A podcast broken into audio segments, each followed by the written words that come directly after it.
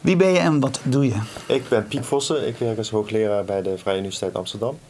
Bij de faculteit Letteren. En daar doen wij onderzoek om te kijken hoe wij computers kunnen leren om taal te begrijpen.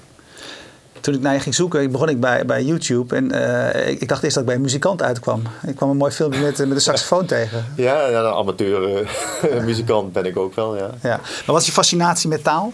Ja, taal is, is een ongelooflijk fascinerend verschijnsel. En daar staan we eigenlijk niet bij stil. Wij spreken taal alsof we lucht ademen, zeg maar. Dat is heel vanzelfsprekend. En uh, een kind van zes heeft al een heel erg hoog taalniveau. kan al hele complexe dingen daarmee uitdrukken en begrijpen. En dat gaat heel natuurlijk. Maar op het moment dat je probeert om dat aan een computer te leren, dan ga je pas beseffen van uh, hoe bijzonder het is. De, de, taal heeft geen betekenis van zichzelf. Dat, wij geven taal betekenis. Hè. Ik ben geen eigenaar van de taal, jij ook niet. De, prins, uh, koning Willem-Alexander ook niet. Het is niet van de Nederlanders, niet van de Vlamingen. Het is een soort uh, sociaal contract dat we hebben. Dat gebruiken wij voor uh, uh, ons dagelijks functioneren. We brengen cultuur over, uh, kennis, informatie. Politiek wordt bedreven door middel van taal. En er wordt heel veel gecommuniceerd, elke dag door middel van taal. En um, dat gaat allemaal vanzelf en natuurlijk. Maar dat is, dat is niet zo natuurlijk. Nee. En, en, en hoe merk je dat? Wanneer merk je dat dat het niet zo natuurlijk is? Nou ja, als je uh, probeert aan de computer uit te leggen wat een, uh, een, een, reeks tekens betekent, dan van zichzelf betekent dat helemaal niks. Dus dat moet je allemaal één voor één, stukje voor beetje gaan uitleggen wat dat allemaal kan betekenen. En ook op zo'n manier dat je daarmee kan redeneren en na ja, teksten, dat zijn nog niet alleen maar losse woorden, maar dat zijn combinaties van woorden, wordt van alles in verteld. Dat moet hij allemaal elkaar kunnen verbinden. En dat is enorm kwaai. Ja. En wanneer, uh, eerst was de liefde voor de taal, neem ik aan, in jouw geval? Of was eerst de, de liefde voor de computer? Voor de muziek, of bedoel je? Ja, ja, nee, ja. Of is voor, nou ja, nee, wel interessant, wel interessant. Je, want je, je, je, je, een beetje muziek, heb je ervoor gekozen om de saxofoon te spelen en niet de, de, de, de woorden als instrument te kiezen? Nee, maar ik schreef wel, toen, ik ben heel lang muzikant, amateurmuzikant geweest. En dan maakte ik wel eigen nummers en dan moet je natuurlijk de teksten schrijven. En dus ja. dan ben je ook wel bezig met, met niet alleen de muziek maken, maar ook de teksten te maken. Ja. Maar, mijn fascinatie was in eerste instantie taal. Ja, ja, dat, dat, uh, ik was eigenlijk een, meer een beta uh, iemand uh, op de middelbare school. En toen ik dat gekozen had, toen gingen mijn beta vakken vond ik niet meer zo interessant. En toen vond ik eigenlijk taal steeds interessanter. En ben ik ook Nederlands gaan studeren uiteindelijk. En niet een beta richting uitgegaan. En binnen die uh, studie Nederlands kwam ik plotseling uh, in aanraking met een meer wiskundige manier kijken naar, naar taal, taal als systeem. Als een soort formule die je kunt oplossen en dan de betekenis uit kunt krijgen. En dat, dat was voor mij meteen uh, raak. Toen had ik eigenlijk mijn, mijn ding gevonden daarbinnen. Ja, ik, je, je geeft regelmatig presentaties natuurlijk. Ja. En, er is, en er is één slide waar die volgens mij goed duidelijk maakt ehm, uh, hoe complexer ja. taal is dan wij uh, in eerste instantie zouden, uh, zouden denken. Ja. Weet je, misschien kan je die even voorzetten. want dit is de zin. De band speelt buiten op het veld. Ze hebben er zin in. Bij de eerste slag slaat de drummer zijn stok al stuk. Ja. daar heb je allerlei cijfers tussen staan. want wat staat hier? Nou ja, als, als iemand zonder die cijfertjes die zin leest. Dus, dit is geen, deze zin heb ik zelf gemaakt. En daar heb ik uh, de, uh, woorden in gebruikt die in het Nederlands de meeste betekenis hebben. En, uh, maar het is niet zo'n bijzondere zin. iedereen begrijpt hem en kan meteen een beeld vormen. dus dat betekent wij interpreteren die zin onmiddellijk. Dus we zijn ons niet bewust van de andere, betekenissen van die woorden.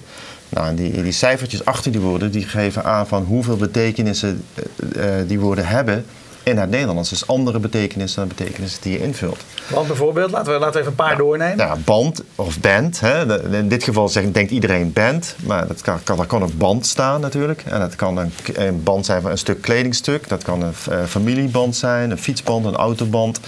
Dus uh, spelen, dat kan zijn uh, er speelt iets, dat kan zijn een spelletje spelen, kan zijn muziek spelen of een theaterstuk spelen.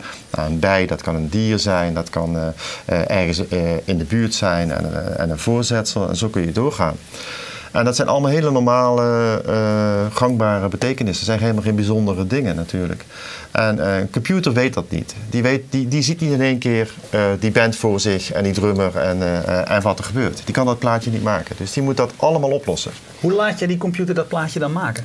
Ja, nou, het begint dan met het feit dat als je het realiseren van een groot probleem is, als je dus al die combinaties die een computer uh, eigenlijk zou moeten afgaan, dat zijn dus 2 miljard combinaties voor, voor deze ene zin. Uh, mogelijke combinaties van betekenissen. En één daarvan is dan de goede. Dus hij moet voor ieder woord uh, moet hij gaan bepalen van uh, welke van die 18 betekenissen is nou het meest waarschijnlijk als ik naar kijk naar de rest van die woorden. Uh, dus wij proberen die computer dat te leren om door informatie op te slaan van oké, die ene betekenis van slag die hier bedoeld is, die wordt dan met de hand door iemand aangebracht. Nou, bijvoorbeeld slag betekenis 1 of zo. Die is hier van toepassing. En dan gaat de computer kijken, oké, wat staat er nu omheen om dat woord? Nou, dat doe je niet één keer, maar dat doe je heel vaak. En dan gaat hij zeg maar, alles wat er omheen staat, de hele omgeving, of de context heet het dan, van het woord, die gaat hij opslaan in een database. En als hij dan weer een nieuw stukje tekst tegenkomt, dan gaat hij de woorden die er dan omheen staan vergelijken met de woorden die hij hier geleerd heeft. En op grond daarvan gaat hij een keuze maken. Ja, dan zegt hij, het is dus waarschijnlijk dat in dit geval deze betekenis heeft. Ja.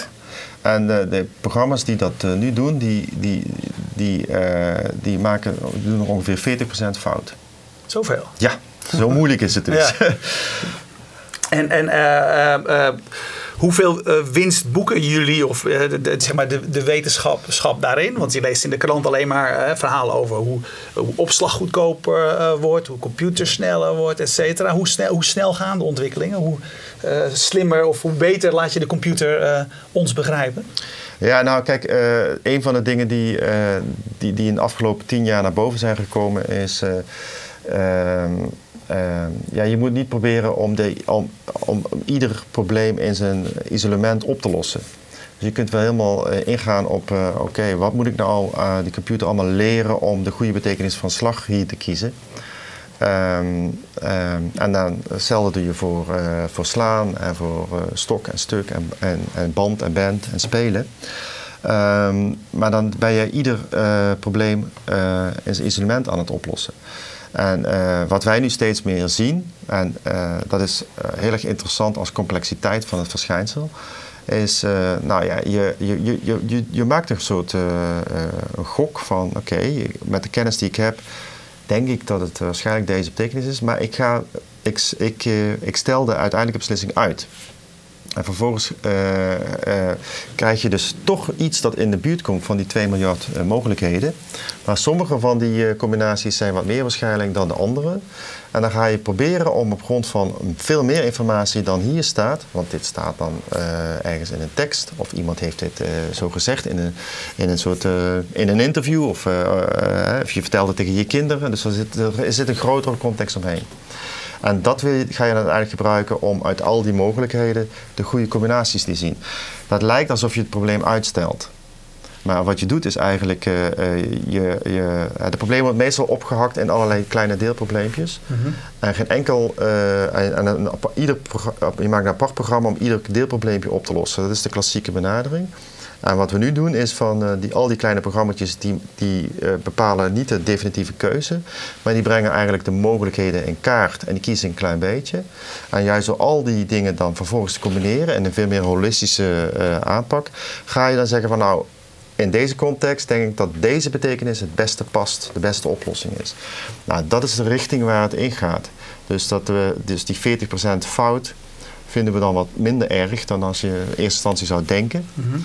Uh, en uh, laten we zeggen, als ik keuze mogelijkheid 1, 2, 3 neem, dan zit, uh, is er een grote kans dat de goede, het is dan meer dan 60%, maar waarschijnlijk maar iets van 80 of 90%, dat de goede ergens in die eerste drie verstopt zit. Ja. En is dit een voorschrijdend onderzoeksinzicht of, of helpt de, de, de digitalisering, de, de, ontwikkeling van computers hierbij? Uh, nou, in eerste instantie is het, uh, is het echt een onderzoeksinzicht hoe je dat probleem moet oplossen. Um, uh, maar, om, zoals ik al zei, uh, je moet maar eens die 2 miljard mogelijkheden in kaart brengen. Uh, dus dat betekent dat je... Van één zin, hè? Nog ja, van één zin, ja, ja, ja precies. En we hebben ook een, een, ander plaatje waar we het, onderzoek hebben gedaan. als je dat bijvoorbeeld in echte teksten en nieuws die, die staat volgens mij uh, daarvoor. Oh, nou, we zoeken hem even terug. Of de, dacht ik of zo. Moeite. Dit is de band Nee, nee, nee, nee. hij staat toch erachter ergens. Maar misschien we lopen gewoon even de presentatie. Oh, terug, terug, terug, terug, terug, terug. Nog eentje terug, nog eentje terug, nog eentje terug. Ja. hier hebben wij een, een, Engelse verzameling van uh, Google News artikelen. Ja. Gekeken van hoe dat nou in de werkelijkheid zit. We hebben naar 1416 artikelen gekeken. Er zitten ongeveer 125.000 woord, woordvoorkomens in. Hè. Hetzelfde woord komt dan meer dan één keer voor. Ja. Nou, dan zijn we gaan tellen hoeveel betekenissen gemiddeld komen er voor. Nou, dan is 10% heeft maar één betekenis en uh, eh, 64% heeft er twee, 24% drie, 4, 1. Als je uitgaat van eh, 64% gemiddeld twee betekenissen, dat is één artikel is ongeveer 1000 woorden, gewoon een uh, krantartikel, ja. dan heb je per artikel al 1 miljoen interpretatiemogelijkheden. Nou, op een dag komen zo'n 2 miljoen nieuwsartikelen binnen. 2 miljoen keer 1 miljoen interpretatiemogelijkheden. Dan heb je een enorme complexe graaf, zoals dat heet, van, van, van mogelijkheden. Als je dat wil verwerken en je wilt het allemaal oplossen, dan heb je enorme rekenkracht nodig om dat überhaupt te kunnen doen. Want je moet ontzettend veel verschillende vergelijkingen gaan maken. Dus je, dus je kunt wel na gaan denken van hoe moet ik het nou wetenschappelijk oplossen. Bijvoorbeeld door de, door de keuze uit te stellen en meer informatie te gebruiken. Maar in eerste instantie maak je het rekenprobleem dan alleen maar groter. Want de uitgestelde keuze zorgt weer voor dus meer. Wij, wij, wij, ja, wij proberen de kans dat we de goede kiezen groter te maken. Maar het rekenprobleem wordt daar enorm door. En daar hebben we enorme rekenkracht voor nodig. Ja. En uh, vroeger had je dat uh, lokaal op je computer staan, zeg maar. Stond er een computer op je, op je, op, op je kantoor en die moest het allemaal uh, staan te doen. En dit speelt zich nu allemaal in de zogenoemde cloud af? Ja, ja wij, ehm, wij zijn hier dus op dit moment heel erg intensief mee bezig. Dus we werken ook nauw samen met Surf Sarah hierin. Uh, om, uh, om hun uh, spierballen ja. maximaal te gebruiken om, om dit überhaupt aan te kunnen. Ja. Hey, en dan heb je het straks, dan heb je het straks opgelost. dan snapt het 100% snapt, snapt, snapt die computer. Ja. wat hebben we dan gewonnen? Nou ja, dan hebben we uh, uh, die 100% die halen we nooit eerlijk gezegd. Hè. En, ik ben al heel blij als we in de buurt van de 80% komen eerlijk gezegd. En, uh, maar wij gebruiken dit dan uh, als een technologie die we inzetten om computer bijvoorbeeld de krant te laten lezen. En dan verschuift het probleem, want dit is een soort uh, probleem van het taalsysteem. Hoe is het in godsnaam mogelijk, hè, en dat is, vinden wij is dan wat fundamentele onderzoek, dat wij in één keer die betekenis oppikken als mensen. En dat een computer daar zo mee moet worstelen om dat voor elkaar te krijgen. Dus je probeert eigenlijk de computer steeds meer te laten leren van de manier hoe mensen dat doen, om dat na te bouwen. Wat niet wil zeggen dat de beste oplossing ook de menselijke oplossing is, hoor, trouwens. Nee. Maar, uh, dat we die arrogantie niet hebben. Nee, nee, nee. nee, nee. Misschien doen ze een andere manier doen, werkt misschien wel beter. Ja. Maar in ieder geval, als we die 80% halen, dan, kunnen we, dan is het goed genoeg om hem echt toe te, uh, toe in te zetten in, uh, in, in bijvoorbeeld de krant te laten lezen. En dan niet één krant, maar bijvoorbeeld alle kranten, alle dagelijkse nieuws. En, en, en dat, is een, eh, dat, dat, dat roept weer een heel ander uh, scala aan interessante problemen op. Ja, want je, zijn er echt, als, als ik eh, twee belangrijke projecten voor je. Eentje waar we het eigenlijk net over gehad hebben, ja. hoort bij WordNet, is daar, is mhm. daar de omschrijving van. En Newsreader, of in het Nederlands de geschiedenisrecorder, is dit project ja. um, waarover je praat. Want um, uh, de, de geschiedenisrecorder klinkt voor mij iets heel anders als, als, als de nieuwsreader, als ik, als ik, als ik heel uh, eerlijk ben. Ja, nou ja. welk, welk, element voor jou is het, is het belangrijkste, is het interessantste aan? Nou ja, kijk, je moet je voorstellen dat als jij uh, tien jaar lang het nieuws leest, dat, dat, je na, dat je over die tien jaar een soort je beeld hebt opgebouwd over, over wat er gebeurd is in de wereld. Een soort geschiedenis gereconstrueerd hebt. Alleen, nou ja, ik lees ja, bijna elke, elke dag wel het nieuws, maar ik vergeet ook heel vaak wat daarin staat. en ik, ik heb een soort globaal verhaal, globaal beeld, vorm ik. Hè. Dat is ook een soort mening over wat er gebeurt in de wereld. En, maar alle details ben ik kwijt. Nou wat is nou het verschil als je nou een computer precies hetzelfde laat doen? Je laat een computer tien jaar het nieuws lezen. En stel je voor, je kunt dat zo bouwen zodat dat lijkt op de manier waarop wij het nieuws lezen. Dan moet je voorstellen dat die, dat die uh, uh, bijvoorbeeld de financiële crisis, tien jaar uh, ontwikkeling, dat die alle details, alle informatie die daarin heeft gestaan, tot op het detail allemaal naar boven kan halen. En, en daarmee reconstrueer je eigenlijk de geschiedenis zoals die verteld wordt in de media. Dat wil niet zeggen dat dat de echte geschiedenis is natuurlijk. Mm -hmm. Maar dat is de geschiedenis zoals die verteld wordt door de media. En waarschijnlijk vertellen de media heel veel verschillende geschiedenissen. En die kun je ook nog eens een keer in kaart brengen. welk verhaal wordt door welke media hoe verteld. Ja, en de neiging bij dit soort dingen is natuurlijk dat, dat in eerste instantie proberen, uh, als, als samenvatting worden gaan proberen mensen een soort van dingen te objectiveren. Uh, dat is het meest eenvoudige volgens mij. In, in, waar speelt ze, uh, waar heeft iets zich afgespeeld? wie waren de hoofdrolspelers, et cetera. Maar je zegt, zei het zelf wel, geschiedenissen hebben interpretaties. Het maakt uit aan welk, welk onderdeel van de geschiedenis jij deel van uitmaakt, et cetera. Dus er komt enorm veel complexiteit bij. Dat andere was al ingewikkeld. Hè? Een zin begrijpen. Ja, Maar als je de context en alles erbij moet, moet, moet gaan meenemen, wordt het nog veel ingewikkelder. Ja, ja. Nou, er is geen informatie zonder, dat die, uh, zonder de bron die die informatie levert. Dus ook al heb je een sensor, dan nog is die sensor pikt alleen maar bepaalde dingen op. Die is gemaakt door een fabrikant op een bepaalde manier. Dus ook die sensor heeft al wat wij noemen een soort provenance. Dus die, die, die kijkt naar de wereld op, op, op een beperkte manier. Die filtert al, die pakt alleen maar bepaalde dingen op. Dus zelfs zoiets objectiefs al. Als een camera uh, pakt ook niet alles op. Het is maar een tweedimensioneel uh, beeld bijvoorbeeld. Uh, maar laat staan over, over de, alle kennisinformatie die wij mensen aan elkaar geven door middel van taal. En dat, is, dat zit bomvol met uh, meningen, opinies, twijfel, hoop, angst. Uh, dus het is niet alleen maar kennis en informatie. Het is niet alleen gewoon een, telefoonboek met feiten. Nee, het is, een, het, het, is bijna altijd een verhaal vanuit een wereldbeeld verteld. Over, over veranderingen in de wereld. Dus, uh, dus op het moment dat je dat met teksten dus op het moment dat je nieuws gaat lezen, dan heb je onmiddellijk te maken met, uh, met meningen en opinies en visies. Ja, maar en dan krijg je onmiddellijk het, element. Kijk, als ik iets zou doen, dan zou ik zeggen: Nou, deze bron is, is voor mij waardevoller dan die bron. Maar wat jullie willen, je wil juist niet. Hè, dat moet, ja, dat, de computer moet, moet, dat gaan, moet daar waarde aan gaan toekennen? Of, of moet het in. Nee, dat doen nee? we niet. Computers kennen geen waarde toe aan dingen. Nou ja, uiteindelijk maakt hij een selectie. Dus dat, nee, nee, nee, nee, nee, willen, we willen dus als, als we het hebben over die 2 miljoen artikelen die binnenkomen bij LexisNexis op een dag. Dat zijn ongeveer uh, 30.000 verschillende bronnen die, uh, die, die, die informatie de, de wereld in, inbrengen. En, en die, die vertellen voor een deel vertellen die over dezelfde veranderingen in de wereld. Hè? Een deel van dat nieuws is, ja. is hetzelfde. En wat je wil is eigenlijk, je wil, je wil uh, uh, systematisch in kaart brengen. Uh, Oké, okay, als, ik, als ik kan bepalen van deze verschillende bronnen vertellen over dezelfde gebeurtenis. Dan moet een stukje van de informatie moet hetzelfde zijn. Anders kan ik niet eens bepalen dat ze het hetzelfde hebben natuurlijk. Hè. ze hebben het allebei over Barack Obama en die heeft ergens een toespraak gehouden. Ehm, maar dan zul je ook zien dat ze dus ook soms verschillen. De een vertelt het ene aspect en de ander een ander aspect. Dus vullen ze elkaar misschien aan.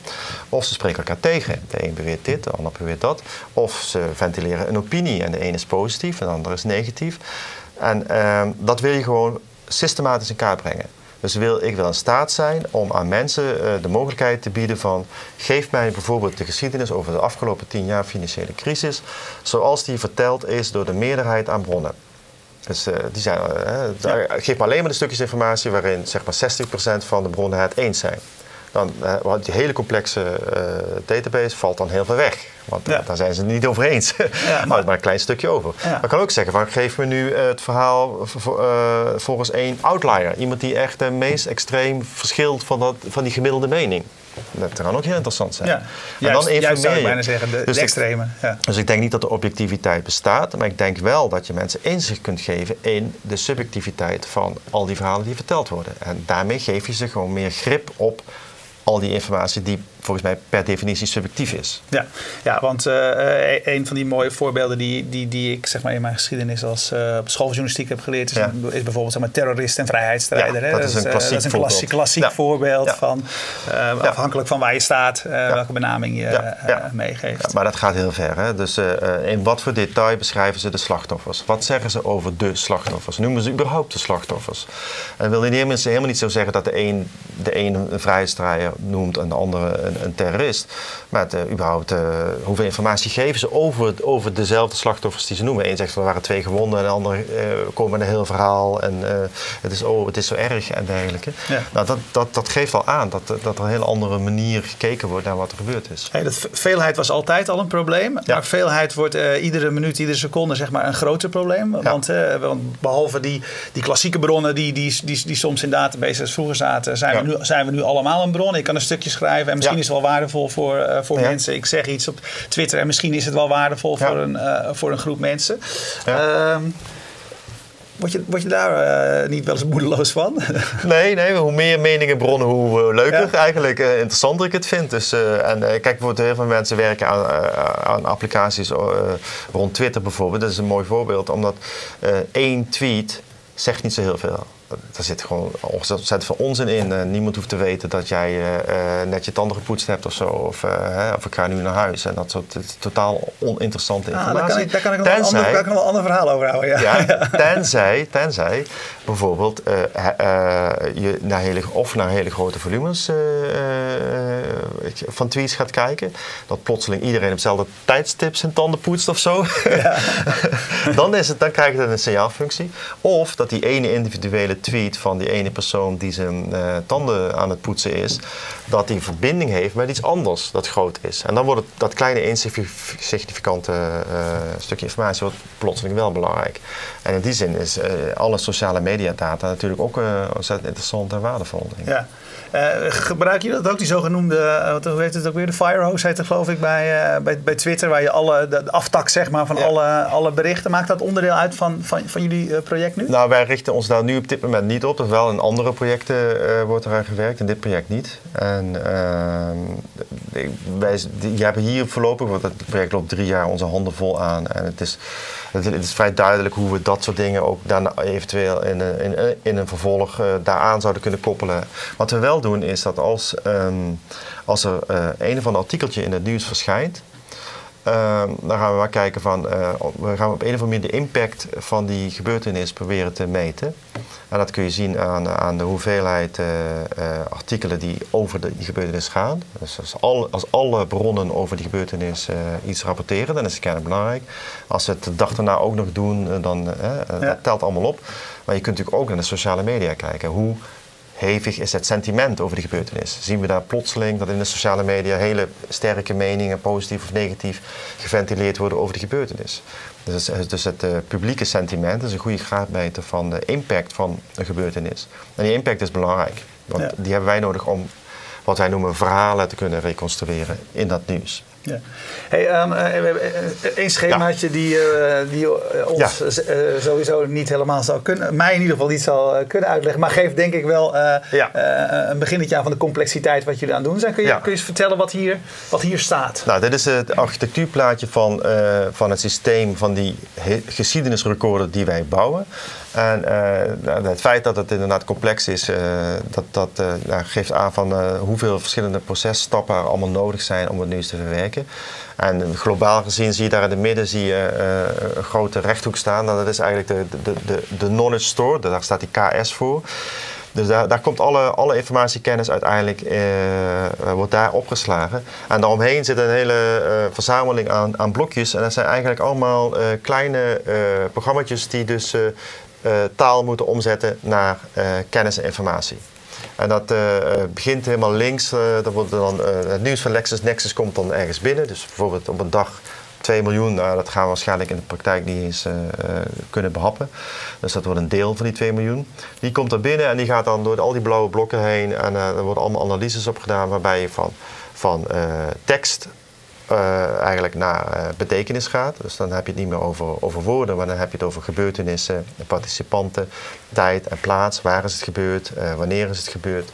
En als je dat voor honderdduizenden nieuwsartikelen gedaan hebt, dan ga je ze met elkaar vergelijken. Dan ga je zeggen van oké, deze, dit artikel beschrijft deze gebeurtenissen en een ander artikel beschrijft deze. En hebben ze het nu over dezelfde gebeurtenissen. Hoe kan ik al die brokstukjes nu samen gaan voegen? Want als het één gebeurtenis is, hoef ik hem maar één keer te, representeren.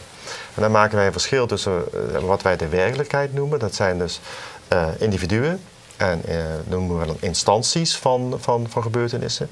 En in de tekst, daar hebben we het over wat we noemen mentions. Daar worden dus de gebeurtenissen benoemd. Mm -hmm. En worden misschien wel drie, vier keer genoemd. Hè? En dan heb je ook een enorme compressie van uh, hoe wij praten over het nieuws en dat wat er uiteindelijk gebeurd is. Dat zijn eigenlijk nog maar abstracte relaties tussen personen in de wereld en dingen waarbij ze betrokken zijn. Nou, dus, en in die, in die knowledge store, daar wordt eigenlijk die hele, uh, uh, dat hele die hele verzameling van, van uh, verwijzingen naar personen, of verwijzingen naar gebeurtenissen, tot een representatie van die gebeurtenis zelf. Allemaal opgeslagen met allemaal relaties naar elkaar. Dus als ik dan bijvoorbeeld een vraag zou stellen van... oké, wat is er vandaag aan gebeurtenissen in het nieuws gekomen? Dan zou je het liefst gewoon eigenlijk een sec, een lijstje willen krijgen van... een heel compact lijstje van, nou dit is eigenlijk wat er allemaal gebeurd is. Niet meer dan dit. Oké. En geef, van daaruit wil ik naar alle bronnen waar dat stukje informatie ook beschreven wordt en genoemd wordt. Dus je moet precies helemaal terug kunnen gaan naar alle plekken in het nieuws waarover die gebeurtenis gesproken wordt. Ja. En dat zit er dus al, daar allemaal in.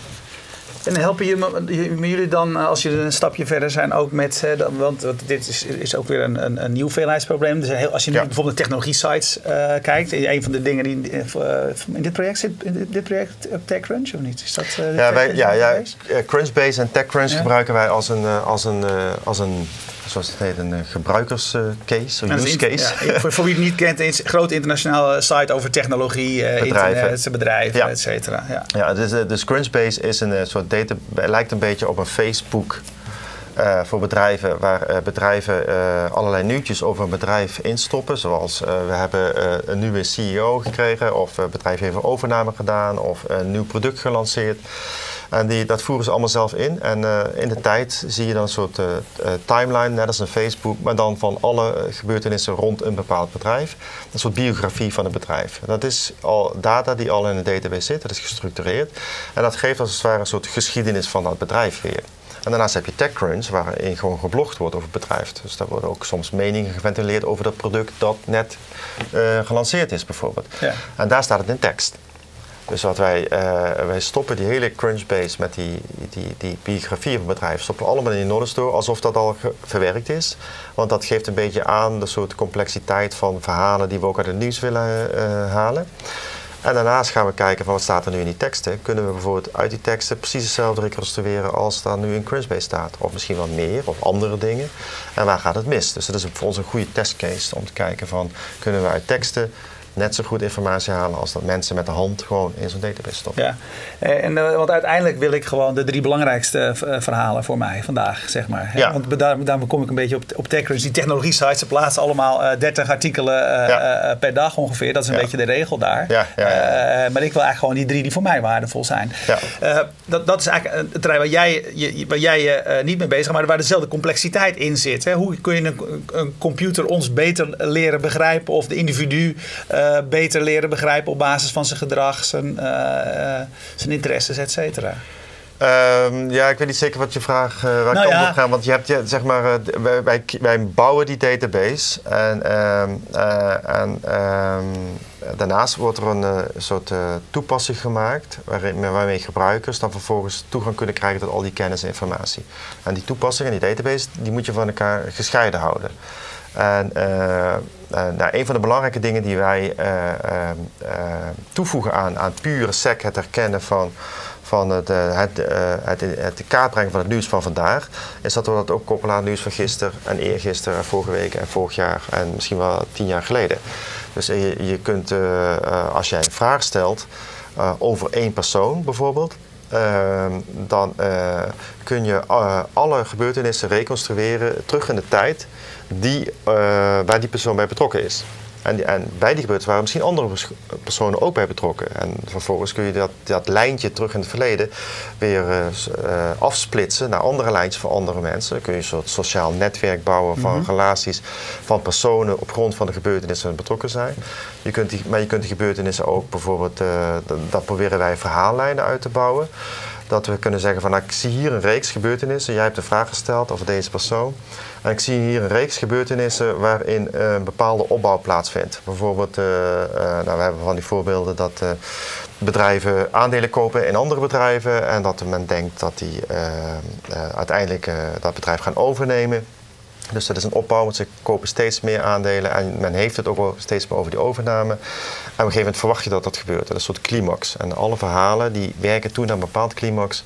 En dan kan het niet meer verder gaan, dan moet het opgelost worden. Ja. Nou, dat probeer je te, te herkennen in al die informatie die je in het verleden opgebouwd hebt. Dus als iemand een vraag stelt, dan zou je kunnen zeggen van... jij bent geïnteresseerd in deze persoon. Nou, ik zie hier een aantal ontwikkelingen in het verleden rond die persoon van gebeurtenissen die een soort verhaallijn vormen. En die naar een climax toewerken. En dat is belangrijker om aan iemand te geven dan te zeggen van hier heb je 3 miljoen uh, losse gebeurtenissen en zoek het nu verder maar uit. Hey, voor wie is dit belangrijk? Ja, in dit project we, uh, werken we vanuit dus, voor, van tevoren gedefinieerde gebruikersperspectief. Dus bij LexisNexis zitten bijvoorbeeld iets van 4.000, 5.000 klanten die uh, dagelijks uh, het nieuws moeten monitoren om te zien wat er allemaal gebeurt. En moeten beoordelen of dat impact heeft, of dat ze maatregelen moeten nemen, een beslissing of iets moeten gaan doen. En die, die, die, die, professionals die monitoren dus voortdurend alle inkomende nieuwsstromen. En dat gaat van 50 tot 3000 bronnen op een dag. Nou, het probleem is alleen dat als die informatie binnenkomt, die kan iets te maken hebben met iets dat in het verleden ook is uh, plaatsgevonden. Dus in het archief van LexisNexis zitten, dus uit die 2 miljoen proberen zij snel uh, de relevante te kiezen. Maar in het archief zitten er nog een keer uh, eh, 30 miljard artikelen. Waar, en, en dus als zij zitten te queryen, dan kunnen ze eigenlijk niet al die informatie overzien. Dus wat gaan ze doen? Ze gaan gewoon uh, zich beperken. Ze vertrouwen op die query of ze vertrouwen op Google. En ze pakken gewoon de, de, de topresultaten en hopen maar dat ze niks gemist hebben. Dus die kunnen eigenlijk geen uh, goed gefundeerde beslissingen meer nemen door de hoeveelheid informatie. Nou, dat proces van dat soort professionals proberen wij te helpen door die database te bouwen. Uh, waardoor wij zeggen van oké, okay, er zijn zoveel uh, relevante artikelen, maar wij kunnen uit die artikelen een soort verhaal reconstrueren waardoor wij betere ordening kunnen geven, waar beter inzicht geeft van wat is nu de ontwikkeling en hoe uh, uh, past nu dat nieuwe stukje informatie bij de ontwikkeling die in het verleden al zichtbaar was of plaatsvindt. Ja. Hey, um, de, de, onderwerpen waar we over spreken noemen ze uh, met een modern woord wel big, big data, ja. grote dataverzamelingen. Ja. het mooie is als we meer data hebben, is dan het verhaal, dan kunnen we beter dingen ja. begrijpen, kunnen we dingen aan elkaar knopen, et cetera. Maar ik zag in een van je presentaties ook dat je zei van ja, die, die, die, die, die, die verzameling, die big data, vraagt ook om nieuwe nieuwe aanpakken, andere manieren van kijken. Hoe, veran hoe verandert zeg maar, die, die, die, uh, nou, die big data jouw, jullie werk? Ja, een, een van de dingen is, uh, nou goed, hè, wat ik al, net al zei, is dat uh, big data is aan de ene kant een probleem en aan de andere kant biedt het gewoon allerlei nieuwe oplossingen. Dus die big data maakt gewoon voor mensen heel, heel, heel concreet dat ze, dat ze eigenlijk niet meer in staat zijn om, om, om die, die, die, die groei van, uh, van informatie zelf bij te houden. Dus er is een grote behoefte aan, uh, aan oplossingen. Aan de andere kant is het, uh, die big data is voor, voor een deel, wordt het ook steeds meer gestructureerde data. Hè? Er wordt niet alleen maar teksten geproduceerd, maar er, zitten, er zijn ook steeds meer databases online. En die worden allemaal aan elkaar gekoppeld. Hè? Dus linked open data is, is een voorbeeld van een soort internet van databases die allemaal aan elkaar gekoppeld zijn en die beschikbaar zijn. Dus uh, als we helemaal teruggaan naar het begin, als ik dus een, een, zinnetje krijg met al die mogelijke betekenissen, dan kan ik daar het woordje band en ik kan het woordje muziek eruit koppelen. Maar ergens in die hele wolk van informatie zit steeds meer kennis en informatie over wat nou een band is, nou, welke bands er allemaal in de wereld zijn. Er zal vast wel ergens een database zijn waar alle bands geregistreerd zijn en alle leden van de bands. Dus als zo'n, uh, de naam van de drummer plotseling ook in die tekst voorkomt, dan uh, kan ik hem waarschijnlijk ergens opzoeken en ook wel zien in welke band hij gespeeld heeft. Dus dan weet ik niet alleen allemaal dat het om een muziekband gaat, maar ik weet misschien zelfs ook wel welke band het is waarover gesproken wordt. En dat staat niet eens expliciet in de tekst. Dus die big data, dat is ook kennisinformatie die wij in onze programma's gebruiken ook daadwerkelijk om die teksten te interpreteren. Dus je, je, je, je dit is een soort, uh, die taal die zweeft uh, tussen ons en de werkelijkheid in. Hoe meer je die werkelijkheid in kaart brengt en kan koppelen aan de taal, hoe beter je die taal kan begrijpen. Hey, uh, met deze twee, twee grote projecten, wanneer ben jij wanneer ben je tevreden, wanneer ben je voldaan? Nou ja, dit, uh, ik ben nu al tevreden. Het is, uh, dit, dit nieuwsread-project dat loopt nu, uh, zitten we nu middenin. En daar komen fantastische dingen al uit. het is een geweldig platform, ook voor ons, voor, om te na te denken over ons onderzoek en aan, aan zijn systeem te werken. Dus ja, het is een Europees project. Er werken iets van 60 mensen nu aan en zo. En heel veel enthousiasme. En eh, dan ben ik al tevreden eigenlijk. Als je ziet gewoon dat het, het roept heel veel ideeën op. Ook voor nieuwe projecten. En, um, uh, dus dat... Ook al dus naast het bouwen van het systeem, wat ons geweldig lijkt, is het ook zo, is het een geweldige kapstok om na te denken over dit soort problematieken. En, uh, en, en, en, nieuwe, nieuwe vragen uh, roept het natuurlijk op die je kunt beantwoorden. Uh, nog één vraag die ik, een nieuwe vraag die, die, die het mij oproept. Je zegt we hebben 60 mensen, Europees ja. project. Ehm, hoe is samenwerken veranderd? Onder invloed van al die, die, die, nieuwe communicatiemogelijkheden. Werken jullie met z'n allen uh, in, in, een in, in, een online omgeving waar je elkaar continu op de hoogte houdt? Ja, nee, absoluut. En dat, uh, en dat zie je ook heel snel uh, ook, dat versnelt ook heel erg, merk ik.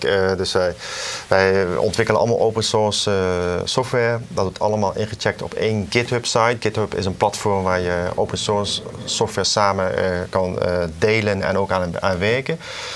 Dus dat is allemaal ergens op het internet beschikbaar. Iedereen kan erbij, iedereen kan uh, de, de, spullen van de anderen downloaden. Dus al die blokjes in die architectuur zijn dus programma's die door verschillende onderzoeksgroepen in Europa gebouwd worden. Maar ze moeten wel de informatie van de een naar de andere doorgeven. Ze moeten precies van elkaar weten wat ze doen. Dus het, is een, het zit een heel, ook een complex eh, projectmanagement uh, achter de ontwikkeling van, van, van, van dat systeem. Hè. Dus niet als een, een, een gebouw op de Zuidas waar alle bouwvakkers aan dezelfde plek bij elkaar zijn. We zitten overal in, in Europa en we werken ook samen met mensen in Amerika bijvoorbeeld hier aan. Dus die, daar wordt heel veel uh, via uh, het delen van, uh, dat gaat van software, maar ook van data, de data zelf, van de LexisNexis nu-stromen bijvoorbeeld. Die komen allemaal ergens samen op een bepaald platform. Iedereen kan erbij. Iedereen kan naar de, naar de, resultaten kijken. Je gebruikt allerlei dingen als Google Groups, Google Docs, Bitbucket. Ook om, wij moeten bijvoorbeeld heel veel rapporten maken. Die maak je samen. Dus we zitten samen aan een rapport van 100 pagina's te schrijven. Iedereen aan aparte secties. Dus er wordt heel veel van dat soort dingen wordt, wordt ook toegepast in het project management en uitvoering. Ja, ja dus ook op die manier is het je, uh, nou ja, maakt het je werk makkelijker of beter. Ja, ja, ja. ja, ja, Dankjewel. Ja, ik vind het super, super interessant. Uh, ja. de, de newsreader, wanneer kunnen we, kan, kan, het, kan het publiek er ook wat mee? Of wanneer is hij in, in een volgende fase? Uh, ik denk dat wij, uh, we zijn nu bezig om de, de, data, de eerste data door dat hele proces heen te jagen. En um, in, in december komen daar dan, uh, wordt die database gevuld en dan gaan we ook uh, evaluaties, eerste evaluaties doen en dergelijke. En uh, ik, daar komt dan ook een soort uh, online versie van de visualisatie van die database. Dus ik, ik, verwacht eigenlijk dat begin volgend jaar mensen dat al kunnen zien en, en dan kun je er al in kijken en spelen, zeg maar. Ja. Maar um, zoals ik al zei, uh, wij, wij, wij opbouwen dit systeem, maar bijvoorbeeld die 2 miljoen teksten op één dag te kunnen verwerken. Hè. Want vanmorgen komen er weer 2 miljoen binnen. Dus ja. moet één, dat, dat is iets dat, dat vraagt zoveel rekenkracht. Dat kunnen wij niet uh, voor het leveren. Dat moet, dat, dat moet bijvoorbeeld met Surfsara opgebouwd worden. Om te kijken van ben je echt in staat om het volledige volume aan nieuws op één dag ook zo te verwerken. En dan de volgende dag weer. Dus een soort productieomgeving. Daar zijn we nog wel een paar jaar uh, van verwijderd voordat we daaraan kunnen denken. Ja. laat staan dat je het op je laptopje kan zetten. Ja, dat is Oké, okay, dat doe nog eventjes. Nou, daarna, je houdt dan te goed van je. Ja. Hey, maar nog eventjes, hè, want als, als je heel eerlijk bent, die, die, die 2 miljoen is natuurlijk als je, uh, is eigenlijk ook nog maar weer een, uh, een selectie. Of is, of is het voor dit, dit want er is, er is nog weer veel meer natuurlijk aan van ja, ja, ja, ja, zeker, absoluut. Ja, ja. Nee, Dit is zeker een selectie. Ja. Ja. Ja, Dankjewel. Graag gedaan. Ja.